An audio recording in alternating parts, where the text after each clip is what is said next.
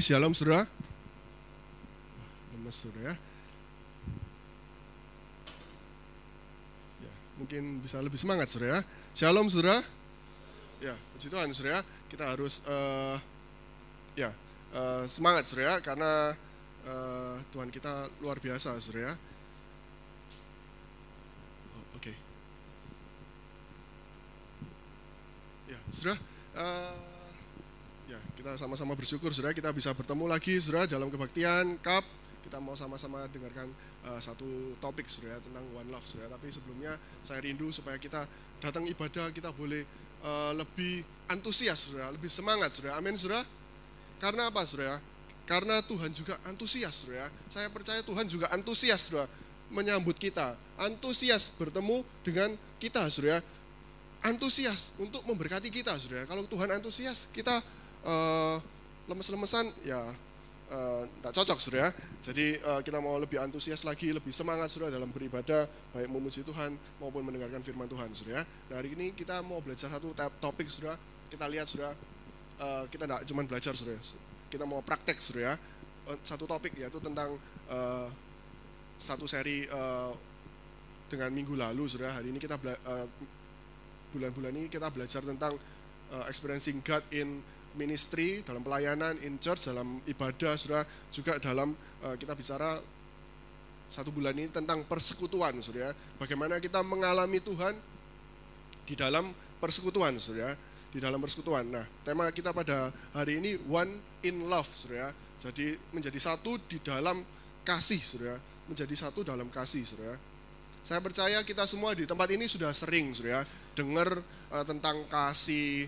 Uh, saya juga rasa seingat saya pernah nyampaikan juga tempat ini sudah uh, di pelajar sudah tapi saya rindu kita sama-sama rindu kita mau praktek sudah lebih praktek sudah tidak cuma jadi pendengar mendengar tahu sudah tapi kita mau belajar tentang praktek sudah karena karena sudah praktek tentang kasih ini kita bisa praktekkan dalam kehidupan kita sehari-hari sudah senantiasa sewaktu-waktu sudah baik saudara dalam pekerjaan tidak cuma berbicara tentang bagaimana saudara di gereja waktu ibadah, tapi dalam pekerjaan, dalam kuliah, dalam keluarga, dalam mungkin saudara dalam tem, pergaulan saudara, saudara mungkin ada ikut main sepak bola, main basket, itu juga kasih ini kita bisa praktekkan itu begitu luas, saudara. Tidak cuma di pada saat ibadah, saudara. Jadi uh, saya rindu, kita sama-sama rindu, sudah kita mau sama-sama praktek, sudah istimewa. Mungkin hari ini kita belajar tentang persekutuan tubuh Kristus, sudah di dalam ibadah, sudah. Tapi kasih ini luas sekali, sudah. Kita bisa praktekkan dalam hal apa saja, sudah. Dalam kehidupan kita sehari-hari, sudah.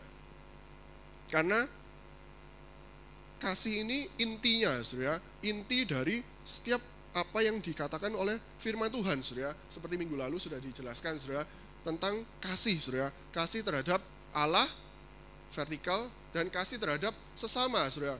Horizontal itu, saudara. Minggu lalu sudah dijelaskan, saudara. Jadi kesimpulannya, hidup di dalam Tuhan, di dalam kekristenan, kalau mau ditarik satu kesimpulan, itu bagaimana kita, hidup kita boleh memancarkan kasih, saudara. Bagaimana kasih kita, mempraktekkan kasih, saudara kita mau baca ayat uh, kita pada hari ini, saudara. Saudara bisa buka uh, Alkitab saudara di Kolose 3 ayat 20, 12 dan 14, saudara. Kita akan belajar cuma satu ayat, uh, sat, uh, tiga ayat ini, saudara. 12, 13, 14, saudara. Uh, saudara bisa buka Alkitab saudara, saya akan bacakan, saudara. Di Kolose 3 ayat 12 sampai 14. Karena itu, sebagai orang-orang pilihan Allah yang dikuduskan dan dikasihinya, ini saudara garis bawahi, kenakanlah belas kasihan, kemurahan, kerendahan hati, kelemah lembutan, dan kesabaran.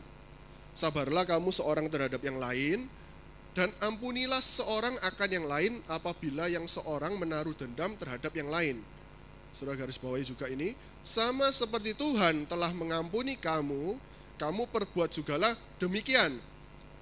Dan di atas semuanya itu, kenakanlah kasih sebagai pengikat yang mempersatukan dan menyempurnakan. Kalau di KJI, pengikat kesempurnaan, sudah. Nah, seperti itu, Saudara. Nah, yang kita mau lihat uh, tiga ayat ini aja, Saudara, pada uh, sore hari ini, Saudara. Yang pertama adalah kenakanlah belas kasihan, Saudara.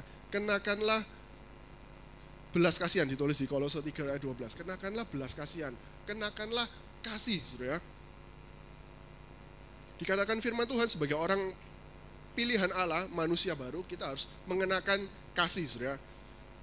Kalau saudara baca di ayat ke-8, saudara, kalau sedikit ayat 8 mungkin bisa tampilkan, saudara, itu sebelum kita disuruh mengenakan uh, kasih, belas kasihan, kita juga disuruh untuk menanggalkan marah, saudara, menanggalkan geram, saudara, disuruh buang, menanggalkan, saudara. Jadi ini suruh mengenakan, menanggalkan dulu, marah, geram, terus kita disuruh mengenakan kasih, belas kasihan, itu dikenakan, saudara.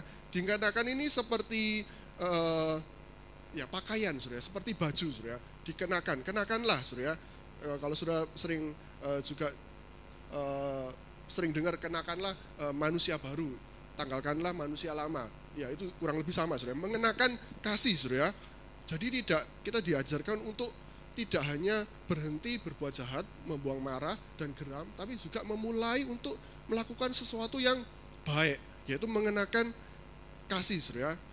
Kenakanlah kasih, kasih itu menjadi pakaian kita sehari-hari, saudara. Dikenakan setiap hari. Saudara rata-rata saudara keluar rumah, uh, ya di dalam rumah saudara mengenakan baju, saudara. Jadi sehari-hari ini cerita tentang sehari-hari. Kalau kita saudara ikut Rabu, saudara juga belajar tentang pakaian imam. Betul saudara? Itu pakaian imam putih, saudara, melambangkan kesucian, saudara. Ini juga sama, saudara pakaian itu cerita tentang cara hidup surya. Kalau imam itu putih, terus nanti imam besar itu pakai eh, jubah efod dan sebagainya ada warna-warna tertentu, sudah ikut surya. Hari Rebu itu menarik sekali surya dan surya uh, ikut ujiannya nanti bisa ikut pelayanan uh, tahun depan surya. Pakaian itu cerita tentang cara hidup surya. Cerita tentang identitas surya. Jadi kita harus dimin, Tuhan minta kita mengenakan pakaian kasih. Kasih itu jadi cara hidup kita, cara hidup anak-anak Tuhan, cara hidup orang beriman, cara hidup orang Kristen, Saudara. Itu identitas. Kasih itu identitas dan cara hidup, Saudara. Kalau supaya uh, misalnya gini, Saudara, supaya gampang bayanginnya uh, pakaian itu kadang jadi identitas eh, orang-orang tertentu, Saudara. Misal, Saudara, kalau saya uh, mungkin tidak semua orang tahu, cuman yang suka, misalnya suka basket, Saudara kalau saya tunjukin pakaiannya misalnya uh, Chicago Bulls nomor 23, itu siapa Saudara? Tahu? Siapa? Michael Jordan, Saudara. Tidak ada, perlu ada namanya, Saudara. Kadang pakaian itu bisa jadi sebuah uh, identitas uh, orang bisa mengenali, Saudara. Misalnya, Saudara, juga misalnya uh, apa, Saudara? Kalau misalnya suka jersey, Saudara, jersey, seragam kebesaran, uh, misalnya warna merah surya di sini ada e, lambangnya warna hitam terus ada setan surya ada gambarnya setan surya mungkin ada yang tahu surya oh itu e, itu e, bajunya Manchester itu pemainnya Manchester United misalnya surya e, dan banyak hal surya e, juga kadang itu bisa jadi identitas. Misalnya baju safari e, ada kantongnya kotak di sini dua krem-krem surya mungkin ada saudara tahu? Siapa? Prabowo, surya. Kan seringnya gitu, surya. Jadi kan kadang orang, oh bajunya itu itu terus, surya, yang kali pakai. Jadi uh, bisa orang bisa tahu, oh ini uh, identitasnya, surya. Seperti itu, surya. Dan pakaian ini juga cerita tentang itu, surya. Seperti uh, kita diminta Tuhan di, Efe, di Efesus juga di Efesus 4 ayat 22 itu seperti yang tadi saya katakan menanggalkan uh, manusia lama, mengenakan manusia baru, surya menanggalkan marah, geram, memakai, mengenakan kasih, surya, mengenakan kasih, surya. Ini penting, surya. Ini harus jadi identitas kita, harus jadi cara hidup setiap kita, surya. Setiap kita orang beriman yang namanya anak Tuhan itu kasih itu dasarnya segala apa yang kita kerjakan di dalam Tuhan, surya. Tanpa kasih tanpa punya kasih itu tidak ada ya kita bahas kekristenan, bahas ibadah, bahas persekutuan, bahas pujian. Tanpa kasih dikatakan firman Tuhan itu semuanya sia-sia saudara. Nol besar saudara. Coba kita baca saudara satu ayat yang mungkin sudah sering kita dengar saudara. Di 1 Korintus 13 ayat 1 sampai 3 saudara. Saya bacakan mungkin bisa tampilkan. 1 Korintus 13 ayat 1 sampai 3 sekalipun aku dapat berkata-kata dengan semua bahasa manusia dan bahasa malaikat tetapi jika aku tidak mempunyai kasih Aku sama dengan gong yang berkumandang dan canang yang gemerincing. Sekalipun aku mempunyai karunia untuk bernubuat dan aku mengetahui segala rahasia dan memiliki seluruh pengetahuan dan sekalipun aku memiliki iman yang sempurna, saudara, untuk memindahkan gunung, tetapi jika aku tidak mempunyai kasih, aku sama sekali tidak berguna. Dan sekalipun aku membagi-bagikan segala sesuatu yang ada padaku, bahkan menyerahkan tubuhku untuk dibakar, tetapi jika aku tidak mempunyai kasih, sedikit pun tidak ada faedahnya bagiku, saudara. Jadi, saya bacakan ayat ini lagi, saudara. Mungkin saudara sering dengar, tapi ini supaya mengingatkan kita sama-sama, baik saya, baik saudara, bahwa kasih itu sangat penting. Dasarnya, pakaian kita, saudara. Kalau enggak, telanjang, saudara. Dikatakan uh, seperti yang uh, pakaian kesucian itu kalau enggak pakai ya telanjang, saudara. Itu dasarnya, saudara ini harus kita perhatikan sama-sama, saudara. Sambil kita mungkin saudara mendengarkan, sambil saya menyiapkan uh, firman ini, saya juga periksa diri saya, saudara. Apakah kasih itu sudah jadi cara hidup saya? Apa sudah jadi identitas? Apakah ketika orang melihat saya bisa kerasa kasih Tuhan, saudara? Apakah orang melihat saya bisa uh, ya merasakan, saudara? Seperti itu, saudara. Nah, kita sama-sama belajar, saudara, pada malam hari ini, dan kita mau terus tingkatkan, kita mau terus uh, praktekkan, saudara. Kita harus mengenakan kasih, saudara, mengenakan kasih, saudara. Kita lihat satu contoh, saudara. Satu contoh di firman Tuhan, saudara. Saya hari ini contohnya tidak banyak, saudara. Yang pasti contoh kita yang sempurna adalah putra manusia Yesus, saudara. Putra manusia Yesus itu beri contoh buat kita, saudara. Nanti saya jelaskan, saudara. Kenapa kok Tuhan kasih contoh buat kita tentang kasih, saudara jadi kita itu tinggal meniru, saudara. Tinggal copy paste, saudara. Tinggal dikatakan mengikuti jejaknya, saudara. Jadi Tuhan ngelakuin apa? Kita tinggal niru, saudara. Karena niru seharusnya kita bisa mengerjakannya dengan lebih mudah. Saudara tidak perlu cari cara lain. Tiru aja caranya Tuhan.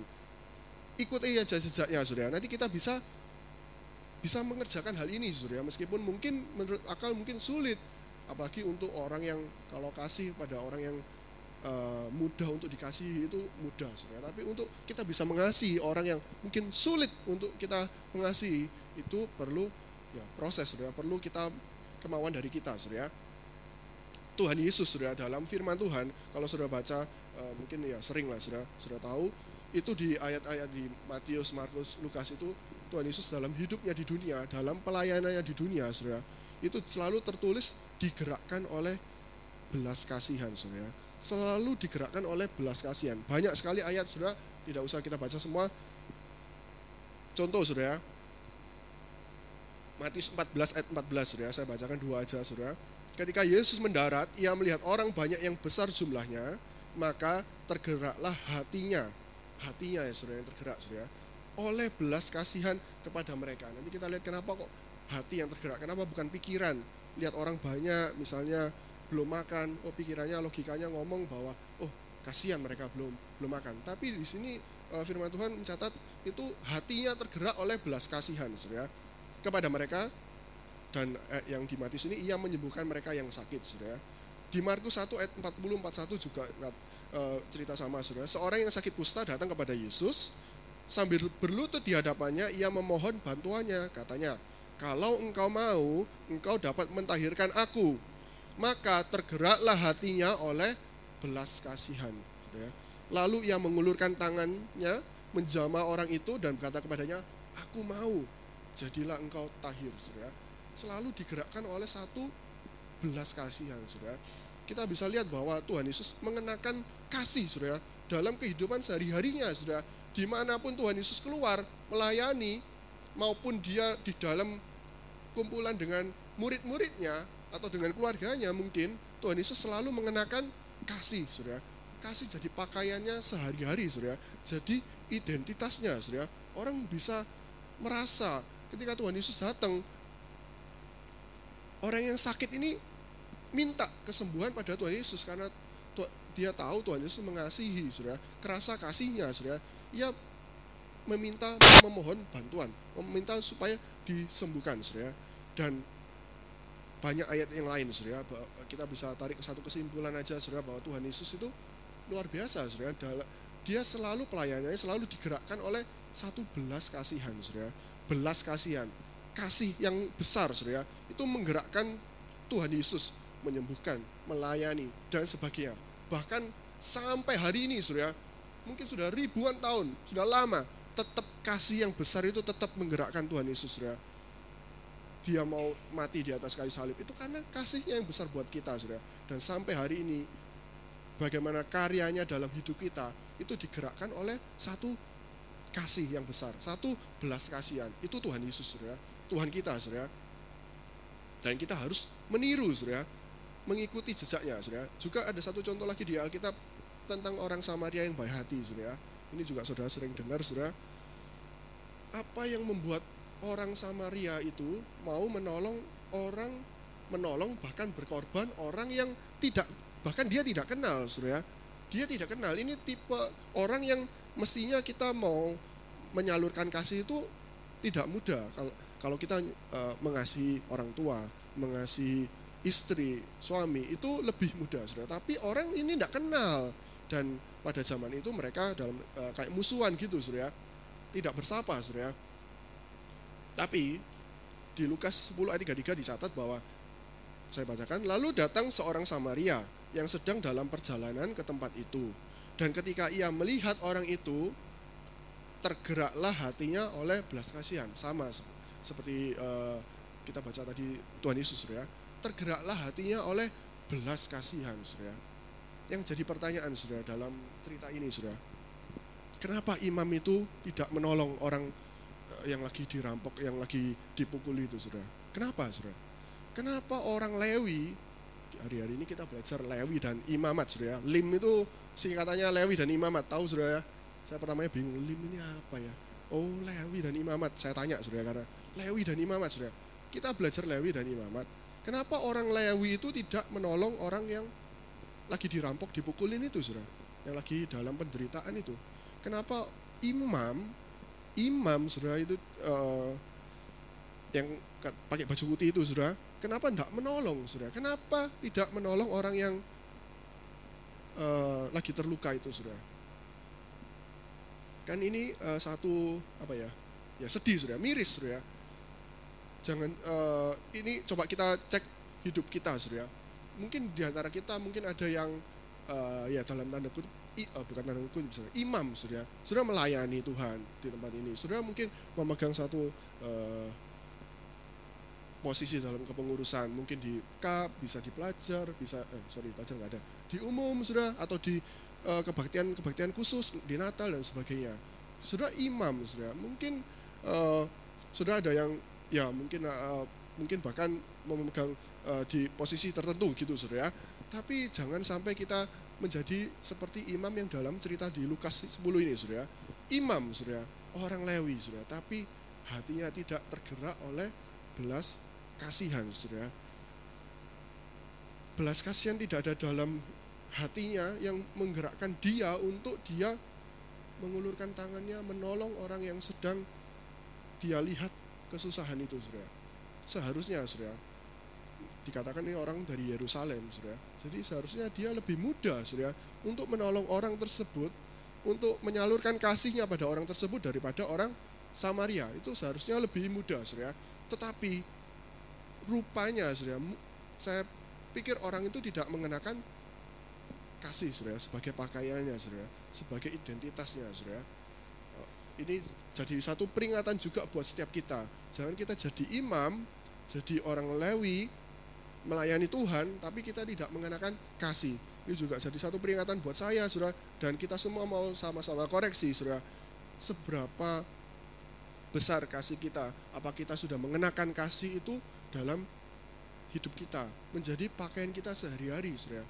Seringkali kita di temukan oleh kesempatan-kesempatan di mana kita bisa berbuat kebaikan, berbuat kasih, saudara. Tapi mungkin kadang, saudara, kita bisa miss, kadang kita bisa lewat. Seperti orang Lewi itu lewat begitu saja, saudara. Seperti seorang imam lihat ada orang perlu pertolongan, dia lewat begitu saja. Tidak tergerak hatinya oleh belas kasihan, saudara. Nah ini biar kita periksa, saudara ini jadi satu peringatan saudara. Jangan kita jadi orang yang fasik saudara.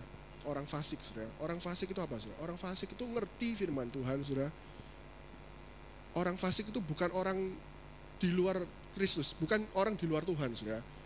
Orang fasik uh, ini uh, pelajaran yang lain saudara. Orang fasik itu orang yang ngerti firman Tuhan percaya pada Tuhan tapi tidak mengerja, tidak melakukan apa yang jadi perintah Tuhan. Itu yang dinamakan orang fasik saudara. Seperti tadi uh, ya yang di dalam cerita ini orang Lewi dan uh, im, orang im, imam itu sudah jadi tidak dia tidak mengasihi orang yang padahal kasih itu sudah Tuhan ngomong juga kalau kamu mengasihi aku kasihi orang di sebelahmu. Nah, ini kan cerita tentang itu. Siapa orang sebelahku? Ya Tuhan terus Tuhan nyambung uh, perumpamaan ini sudah ya kita baca satu ayat sudah di Amsal 21 sudah ayat 10 ini tentang orang orang fasik sudah dan cocok sudah Amsal 21 ayat 10 saya bacakan. Hati orang fasik mengingini kejahatan dan ia tidak menaruh belas kasihan kepada sesamanya, ya. Tidak menaruh belas kasihan kepada sesamanya, tidak ada kasih, tidak mengenakan kasih sebagai pakaian, sebagai eh, jubahnya, sebagai uh, identitasnya, Saudara. Mari kita sebagai anak-anak Tuhan, Saudara, anak-anak Allah, kita namakan imam, orang beriman kita mau sama-sama poin yang pertama adalah kita mau sama-sama mengenakan kasih sudah sebagai cara hidup kita sebagai identitas kita sudah sehingga orang-orang di sekitar kita bisa merasakan bisa melihat sudah bisa melihat kita mengenakan kasih sebagai pakaian kita sudah ini poin yang pertama sudah kita mau mengenakan kasih sebagai pakaian kita mengenakan belas kasihan mengenakan kasih, menanggalkan marah dan geram, saudara. Oke, poin yang kedua, saudara, kita lihat di ayat yang tadi mungkin bisa tampilkan di Kolose 3 ayat 12. Kolose 3 ayat 12, setelah mengenakan kasih, saudara, baru dikatakan kenakanlah kemurahan, saudara, kerendahan hati, kelemah lembutan dan kesabaran, saudara. Saya percaya ini uh, satu mungkin bukan urutan juga saudara tapi kasih itu harus dikenakan terlebih dahulu saudara mungkin bisa tampilkan di kolose 3 ayat 12 nah kasih harus dikenakan dahulu saudara karena apa artinya kemurahan tanpa kasih saudara kerendahan hati tanpa kasih tidak bisa saudara kelemah lembutan tanpa kasih pura-pura saudara di depan lemah lembut. Kesabaran tanpa kasih tidak bisa saudara pura-pura harus kasih dikenakan terlebih dulu saudara kenakanlah belas kasihan. Baru setelah itu kita bisa mengenakan kemurahan, kerendahan hati, kelemah lembutan, dan kesabaran, saudara. Karena tadi kita sudah lihat kasih itu dasarnya, saudara. Dasarnya. Kita akan bahas, lihat cuma dua aja, saudara. Uh, yaitu kemurahan dan kerendahan hati, saudara. Karena uh, ini penting, saudara, supaya kita bisa seperti judul, saudara, uh, one, saudara. Jadi satu di dalam kasih, saudara. Uh, mungkin yang uh, duanya uh, saya takut waktunya nggak cukup saudara. Jadi poin yang kedua saudara, kenakanlah kemurahan saudara, kemurahan. Kalau sudah di KJI itu kindness saudara, kebaikan. Atau juga uh, kalau saya lihat itu bisa juga gentleness saudara, goodness saudara. Jadi kebaikan, uh, kemurahan uh, seperti itu saudara. Ini adalah salah satu juga ciri khas umat Tuhan, saudara, anak-anak Allah, saudara. Salah satu sifat kasih adalah murah hati, saudara. Jadi ini ef, kayak efeknya gitu, saudara. Kasih sudah bisa murah hati, saudara. Tapi kalau sudah murah hati tanpa kasih, itu tidak bisa, saudara. Itu palsu, saudara. Itu pura-pura, saudara. Harus ada kasih, saudara. Kecil atau besar harus ada kasih, saudara. Saya bacakan di 1 Korintus 13 ayat 4, saudara Kasih itu sabar, kasih itu murah hati, saudara. Uh, yang aja, saudara. Kasih itu murah hati, saudara. kita ambil contoh lagi sama saudara seperti tadi putra manusia Yesus saudara. Putra manusia Yesus itu murah hati saudara. Murah hati itu apa artinya saudara? Melakukan apa yang lebih daripada sepatutnya saudara. Saudara ngasih nyetir saudara. Datang pengamen kecek-kecek saudara.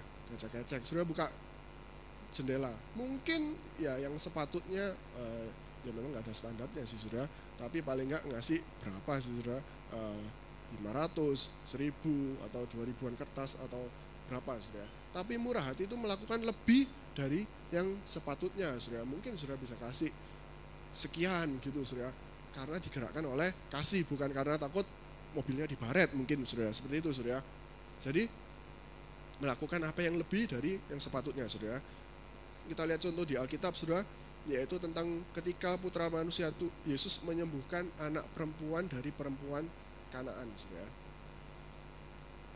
Dikatakan firman uh, jelas dikatakan uh, ya ceritanya singkatnya seperti ini Saudara. Uh, datang seorang perempuan teriak-teriak Saudara, "Kasihanilah aku, ya Tuhan anak Daud. Anak perempuanku itu kerasukan setan, sangat menderita hidupnya." Seperti itu Saudara. Murid-muridnya udah lihat, "Uh, ini perempuan Kanaan Saudara." Saudara tahu Kanaan itu bangsa kafir, saudara. Ketika Yosua merebut Kanaan, sebelumnya itu bangsa kafir, saudara. Muridnya mungkin, wah ini ngapain ini ribut-ribut? Guru, tegur aja, suruh diem dia, supaya nggak ribut aja, nggak rame aja bahasa sehari-harinya mungkin gitu, saudara. Nggak rame aja. Uh, terus, tapi dia terus Tuhan tolong, terus berseru pada Tuhan, saudara. Terus meminta, saudara, berteriak dikatakan diikuti dengan berteriak, saudara. Tapi Tuhan itu uh, ngomong seperti ini, saudara. Saya percaya ini bukan karena Tuhan itu uh, sombong dan sebagainya, tapi saya percaya ini Tuhan menguji orang ini, saudara, perempuan ini, saudara. Aku diutus hanya kepada domba-domba yang hilang dari umat Israel. Artinya cuma diutus ke umatku saja gitu, yang berhak dapat kesembuhan. Uh, tidak patut mengambil roti yang disediakan buat anak-anak melemparkannya pada anjing ini cukup keras mestinya saudara tapi perempuan itu ngomong benar Tuhan, namun anjing itu makan remah-remah yang jatuh dari meja tuanya. Dan akhirnya sudah tahu akhir ceritanya sudah perempuan ini disembuhkan sudah. Memang uh, saya mau ambil satu sisi uh, lihat dari satu sisi yang lain sudah bahwa seharusnya perempuan ini tidak layak terima kesembuhan sudah karena dia pada saat itu orang kafir sudah lain dengan zaman kita pada hari ini sudah pada saat itu dia kafir, saudara. Dia tidak layak, saudara. Tuhan pun ngomong, aku tidak diutus, saudara, untuk uh, aku cuma diutus pada domba-domba yang hilang pada umat Israel, saudara. Tapi Tuhan itu karena dia minta, saudara. Saya percaya ini juga Tuhan digerakkan oleh satu belas kasihan, saudara. Tuhan itu bermurah hati, saudara. Oke, akhirnya ya disembuhkan, saudara. Dan banyak contoh yang lain, satu contoh yang lain lagi, saudara. Ketika Tuhan dihadapkan pada seorang perempuan yang kedapatan berzina, saudara. Orang-orang itu sudah ngomong ini orang harus ya kalau sekarang dihakimi sudah dihakimi masa sudah dilempar sampai mati sudah sampai mati. Gimana guru? Apakah Tuhan yang uh, ambil itu batu pertama kali sudah enggak sudah sudah dengar uh, waktu uh, Peter firman di sini sudah. Seharusnya di antara semua orang yang di situ yang hanya satu yang patut melempar perempuan itu Tuhan sudah. Karena Tuhan tidak berdosa. Tuhan ngomong siapa kamu yang nggak berdosa? Ambil batu pertama kali lempar pertama kali. Seharusnya Tuhan yang bisa sudah lempar. Tapi Tuhan begitu murah hati sudah. Murah hati. Dia tidak itu lempar itu batu pada itu perempuan sudah tapi dia memberi kemurahan yang sangat besar dengan satu tujuan sudah nanti ini juga kita bahas sudah to save sudah not to destroy sudah kita dulu ada di gereja ada kata-kata seperti itu sudah ditulis di besar sudah to save sudah karena Tuhan tahu uh, perempuan ini akan bertobat sudah Tuhan cuma katakan bertobatlah jangan berbuat dosa lagi. Tuhan begitu murah hati sudah bermurah hati sudah kemurahannya dikatakan lebih dari hidup sudah dan kita juga anak Tuhan kita dituntut untuk mengenakan kemurahan sudah murah hati sudah pada orang-orang di sekitar kita kalau kita mau bermurah hati pada Tuhan, Tuhan ngomong, ya kamu kerjakan pada orang-orang di sekitarmu, saudara. Kita harus bermurah hati pada orang-orang di sekitar kita, saudara. Biar orang itu bisa melihat, saudara. Saya punya satu klien saudara anak Tuhan saudara yang saya satu yang saya ingat saudara betapa dia itu murah hati saudara hari-hari ini sulit saudara. Beberapa waktu yang lalu saya saksi saudara saya masukkan termin untuk tagihan. Itu molor-molor saudara. Satu bulan dan beberapa padahal nilainya tidak terlalu besar saudara. Itu molor di pending-pending saudara. Satu ini saudara anak Tuhan saudara. Saya ingat sampai sekarang saudara karena dia begitu murah hati. Belum waktunya termin ditagih. Kok kamu tidak nagih termin? Uh kayak kucing dikasih ikan pindang saudara ya tak tagih langsung saudara. Pasti saudara. Begitu terus saudara suka neraktir makan lah dan sebagainya. Dari situ saya bisa lihat wah ini uh, ya satu sisi wah ini anak Tuhan itu uh, saya ingat jadi berkat buat saya saudara. Wah murah hati begitu baik murah hati saudara. Seperti itu saudara. Kita anak Tuhan harus pakai kenakanlah kemurahan pada orang-orang di sekitar kita saudara. Di tempat kerja di kuliah, di pergaulan. Jangan kita jadi anak Tuhan identitasnya misalnya oh pelit, oh misalnya ini juaji pol, ini ndak ndak cenglian dan sebagainya, Saudara. Tapi biar kita punya identitas, oh ini anak Tuhan yang murah hati, Saudara. Punya punya kemurahan begitu besar, Saudara. Dalam banyak dalam banyak hal, Saudara. Juga dalam uh, pelayanan, Saudara, dalam persekutuan di gereja, dalam persekutuan sel misalnya, Saudara bacakan satu ayat saudara di Efesus 4 ayat 2 saudara. Hendaklah kamu selalu rendah hati, lemah lembut dan sabar. Tunjukkanlah kasihmu dalam hal saling membantu, melakukan kebaikan. Tadi uh, kindness itu saudara, kemurahan, kebaikan, kindness uh, seperti itu saudara. Uh, di KJI kindness saudara, kebaikan saudara. Kita menunjukkan kasih kita bagaimana dengan hal kita saling membantu, menunjukkan kebaikan saudara seperti itu, saudara. Yang kedua, saudara, kenakanlah kerendahan hati, saudara. Ini penting, saudara.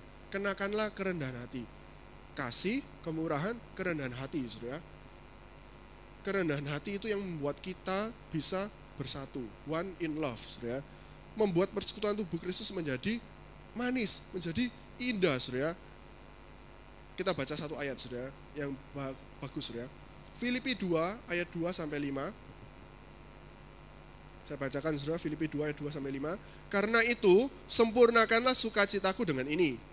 Sudah perhatikan, hendaklah kamu sehati sepikir dalam satu kasih, satu jiwa, satu tujuan dengan tidak mencari kepentingan sendiri atau puji-pujian yang sia-sia. Sebaliknya, hendaklah dengan rendah hati, garis bawahi, yang seorang menganggap yang lain lebih utama daripada dirinya sendiri. Dan janganlah tiap-tiap orang hanya memperhatikan kepentingannya sendiri, tetapi kepentingan orang lain juga. Hendaklah kamu dalam hidupmu bersama menaruh pikiran dan perasaan yang terdapat juga dalam Kristus Yesus. Ketika kita mau sehati sepikir, satu kasih, satu jiwa, satu tujuan, yang perlu garis bawahi kita harus punya satu kerendahan hati, saudara. Menganggap orang lain lebih daripada diri kita sendiri, saudara. Memperhatikan kepentingan orang lain lebih daripada kepentingan diri kita sendiri, saudara. Jangan hanya memperhatikan kepentingan sendiri, saudara, tapi kepentingan orang lain juga, saudara. Nah, kita mau sama-sama belajar, saudara. Saya juga, aduh, ketika nyiapin ya, mungkin saya masih banyak kekurangan juga, saudara. Sama-sama belajar, saudara. Menganggap yang lain lebih utama, saudara. Kadang kita karena kita mungkin di brainwash juga, saudara, atau kita sudah terbiasa di dunia atau di mana kita selalu mungkin tidak sengaja kita merasa diri kita mungkin lebih daripada orang lain. Kita mungkin lebih mementingkan, ya aku mikirin diriku sendiri. Orang lain ya tidak tahu urusannya orang lain, misalnya seperti itu, saudara. Mudah memang, saudara, untuk seperti itu, saudara. Tapi kita harus mau diolah, saudara, mau berubah, saudara. Harus punya satu kerendahan hati, saudara. Jangan biasa fokus pada diri kita sendiri, saudara.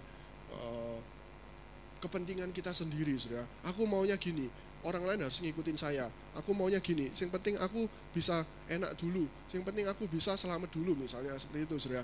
Orang lain, ya urusan terakhir, saudara. Jangan, saudara. Kita belajar hari ini, dan kita tidak cuma belajar, saya rindu kita praktek, kita mau rendah hati, yaitu menganggap kepentingan orang lain itu lebih, saudara. Menganggap orang lain lebih, pendapat orang lain mungkin bisa jadi lebih bagus daripada pendapat saya. Mungkin usul orang lain bisa jadi lebih oke okay daripada usul saya. Paling enggak itu kita pertimbangkan, itu kita pikirkan, saudara. Kita menganggap orang lain juga uh, lebih utama, saudara. Menganggap yang lain lebih utama, saudara, daripada dirinya sendiri, saudara. Jangan kita mudah tersinggung juga, saudara. Uh, kalau orang tidak bisa rendah hati ya tersinggungan, saudara. Karena apa sedikit tersinggung, saudara. Itu harus kita sama-sama belajar sehingga kita mau sama-sama diolah, kita sama-sama bertumbuh. Mau, saudara? Amin, saudara. Saya juga uh, pernah sharing waktu di camp, saudara. Di camp yang barusan itu saya sharing di kelompok saya, saudara. Saya juga diolah, saudara. Saya bukan orang yang uh, mungkin rendah hati, saudara. Mungkin saya bisa bilang saya juga sombong juga, saudara. Pada saat itu, saudara waktu itu sudah di camp sudah satu camp saya jadi ketua kap itu tahun 2000 uh, 2011 sudah. Waktu itu camp pertama saya sudah. Itu saya ingat itu ketuanya Erik Limanu sudah. Uh, waktu itu camp sudah. Ya sudah camp. Tapi selama di camp itu sudah uh, ya maksudnya gini sudah. Ya ini dulu loh sudah. Jadi waktu di camp itu saya tidak disuruh uh, doa nggak di apa nggak disuruh apa gitu sudah. Waktu itu saya pulang itu saya bisa aduh kok gitu ya padahal kan ya apa apa ini camp cup itu di bawahnya cup gitu sudah saya mikirnya seperti itu sudah tapi ya puji Tuhan sudah firman Bapak Gembala itu membersihkan sudah semuanya sudah saya belajar sudah tidak dihargai. Belajar rendah hati. E, kalau sekarang sudah tidak ada masalah sama sekali sudah e, sudah sudah enak plong gitu sudah waktu-waktu itu sudah itu diolah sudah kita harus mau diolah uh, kerendahan hati kita sudah kadang kita mudah untuk sombong itu mudah sudah lebih mudah sudah untuk jatuh kepingin sombong kepingin oh aku ini seperti itu seperti ini. Prestasiku gini gini gitu.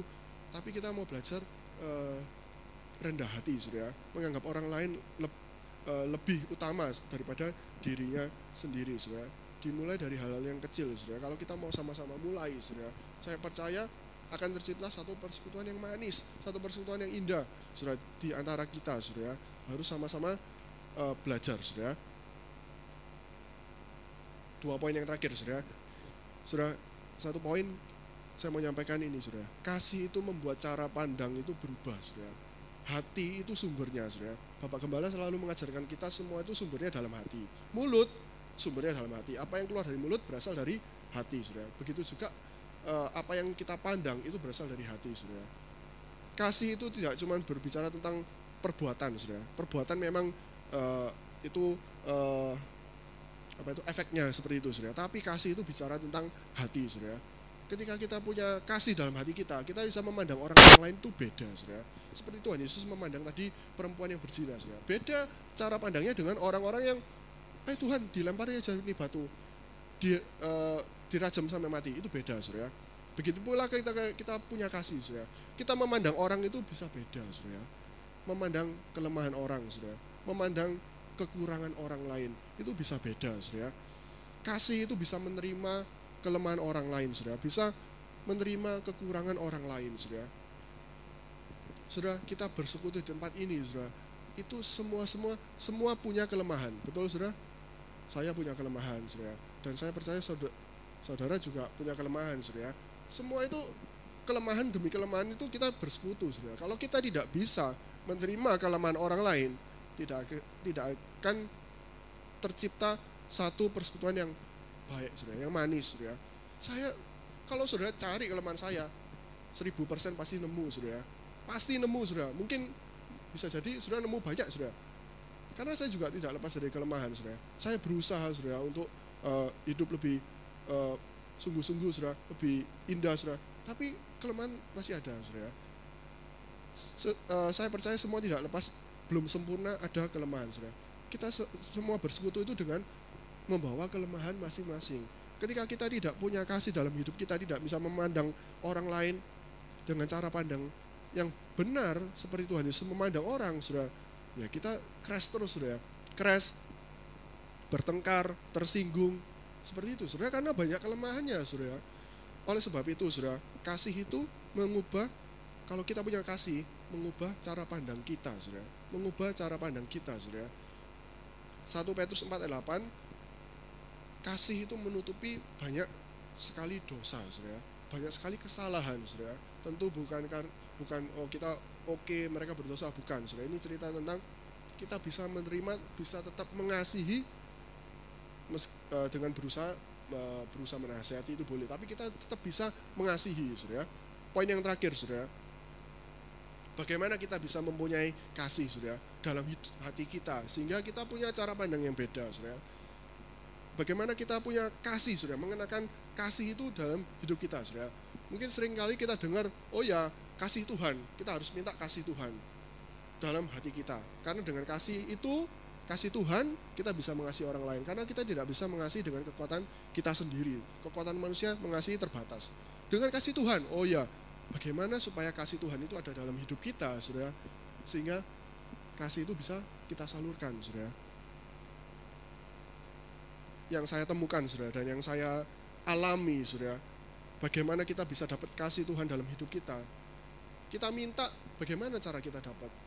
Satu saudara yang saya uh, alami saudara dan saya mau sharingkan itu jaga hubungan baik dengan Tuhan saudara. Saya cari jawaban lain saudara. Saya pikir jawaban lain apa ya? Bagaimana supaya kita bisa dapat kasihnya Tuhan saudara? Ya tapi saya masih belum ketemu saudara. Satu jawaban yang saya ketemu jaga hubungan baik dengan Tuhan saudara. Itu saudara.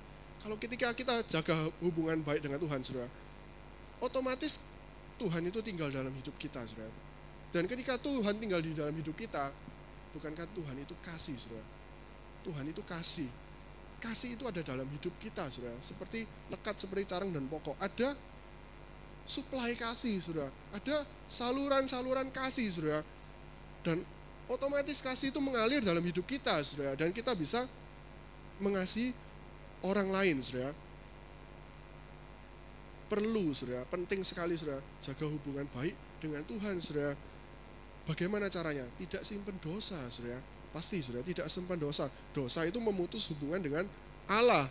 Yesaya 59 ayat 2, saudara. Tetapi yang merupakan pemisah antara kamu dan Allahmu ialah segala kejahatanmu dan yang membuat dia menyembuhkan diri terhadap kamu sehingga ia tidak mendengar ialah segala dosamu, saudara. Saya kasih satu contoh, saudara. Saul, saudara. Saul ketika dia menyimpan iri hati itu dalam hidupnya, dia tidak mau buang itu iri hati, saudara.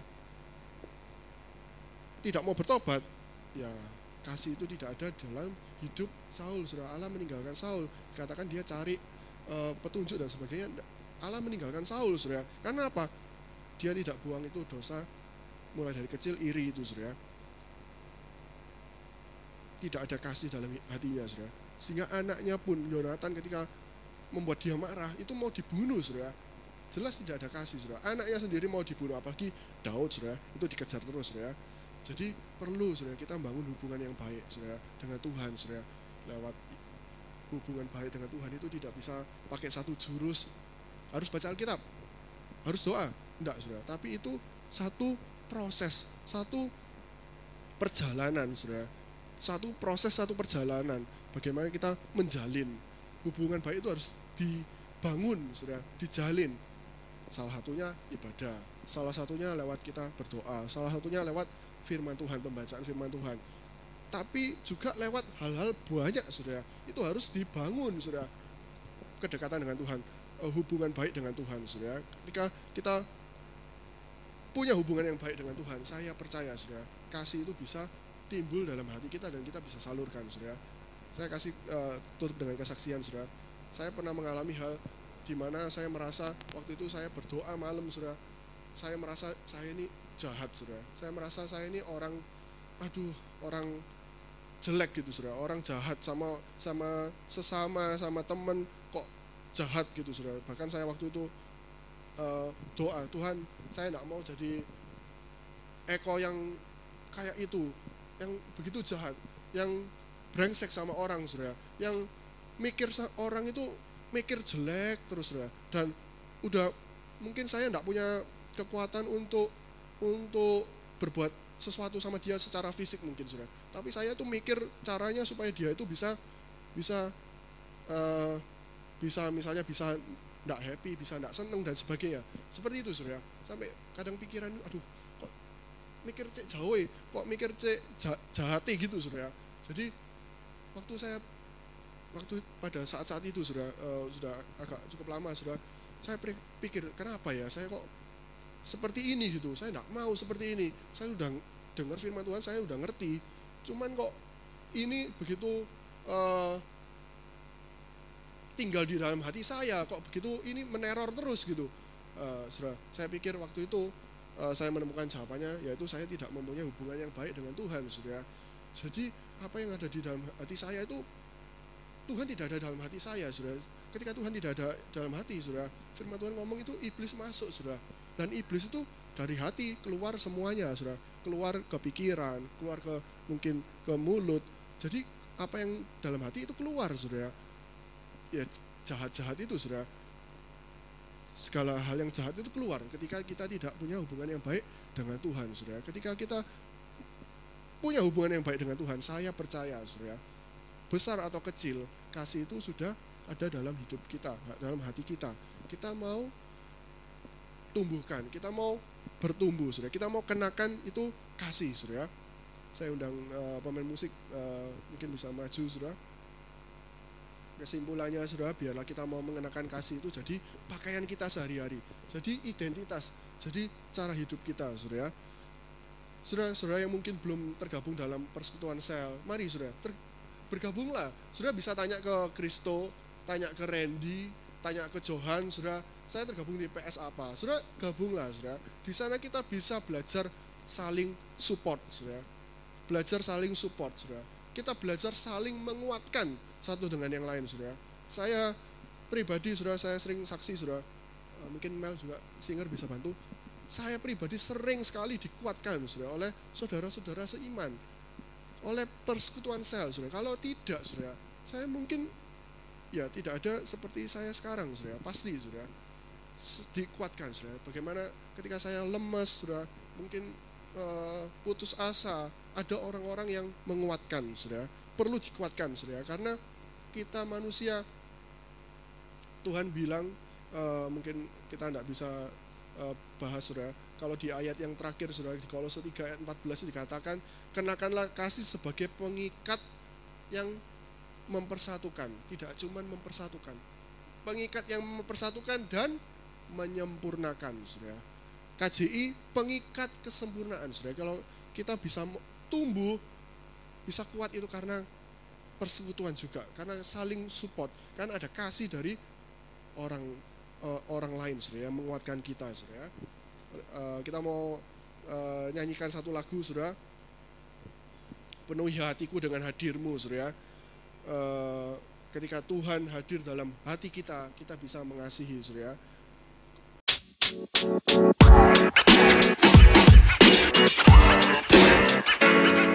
man. You know, man. You know, man.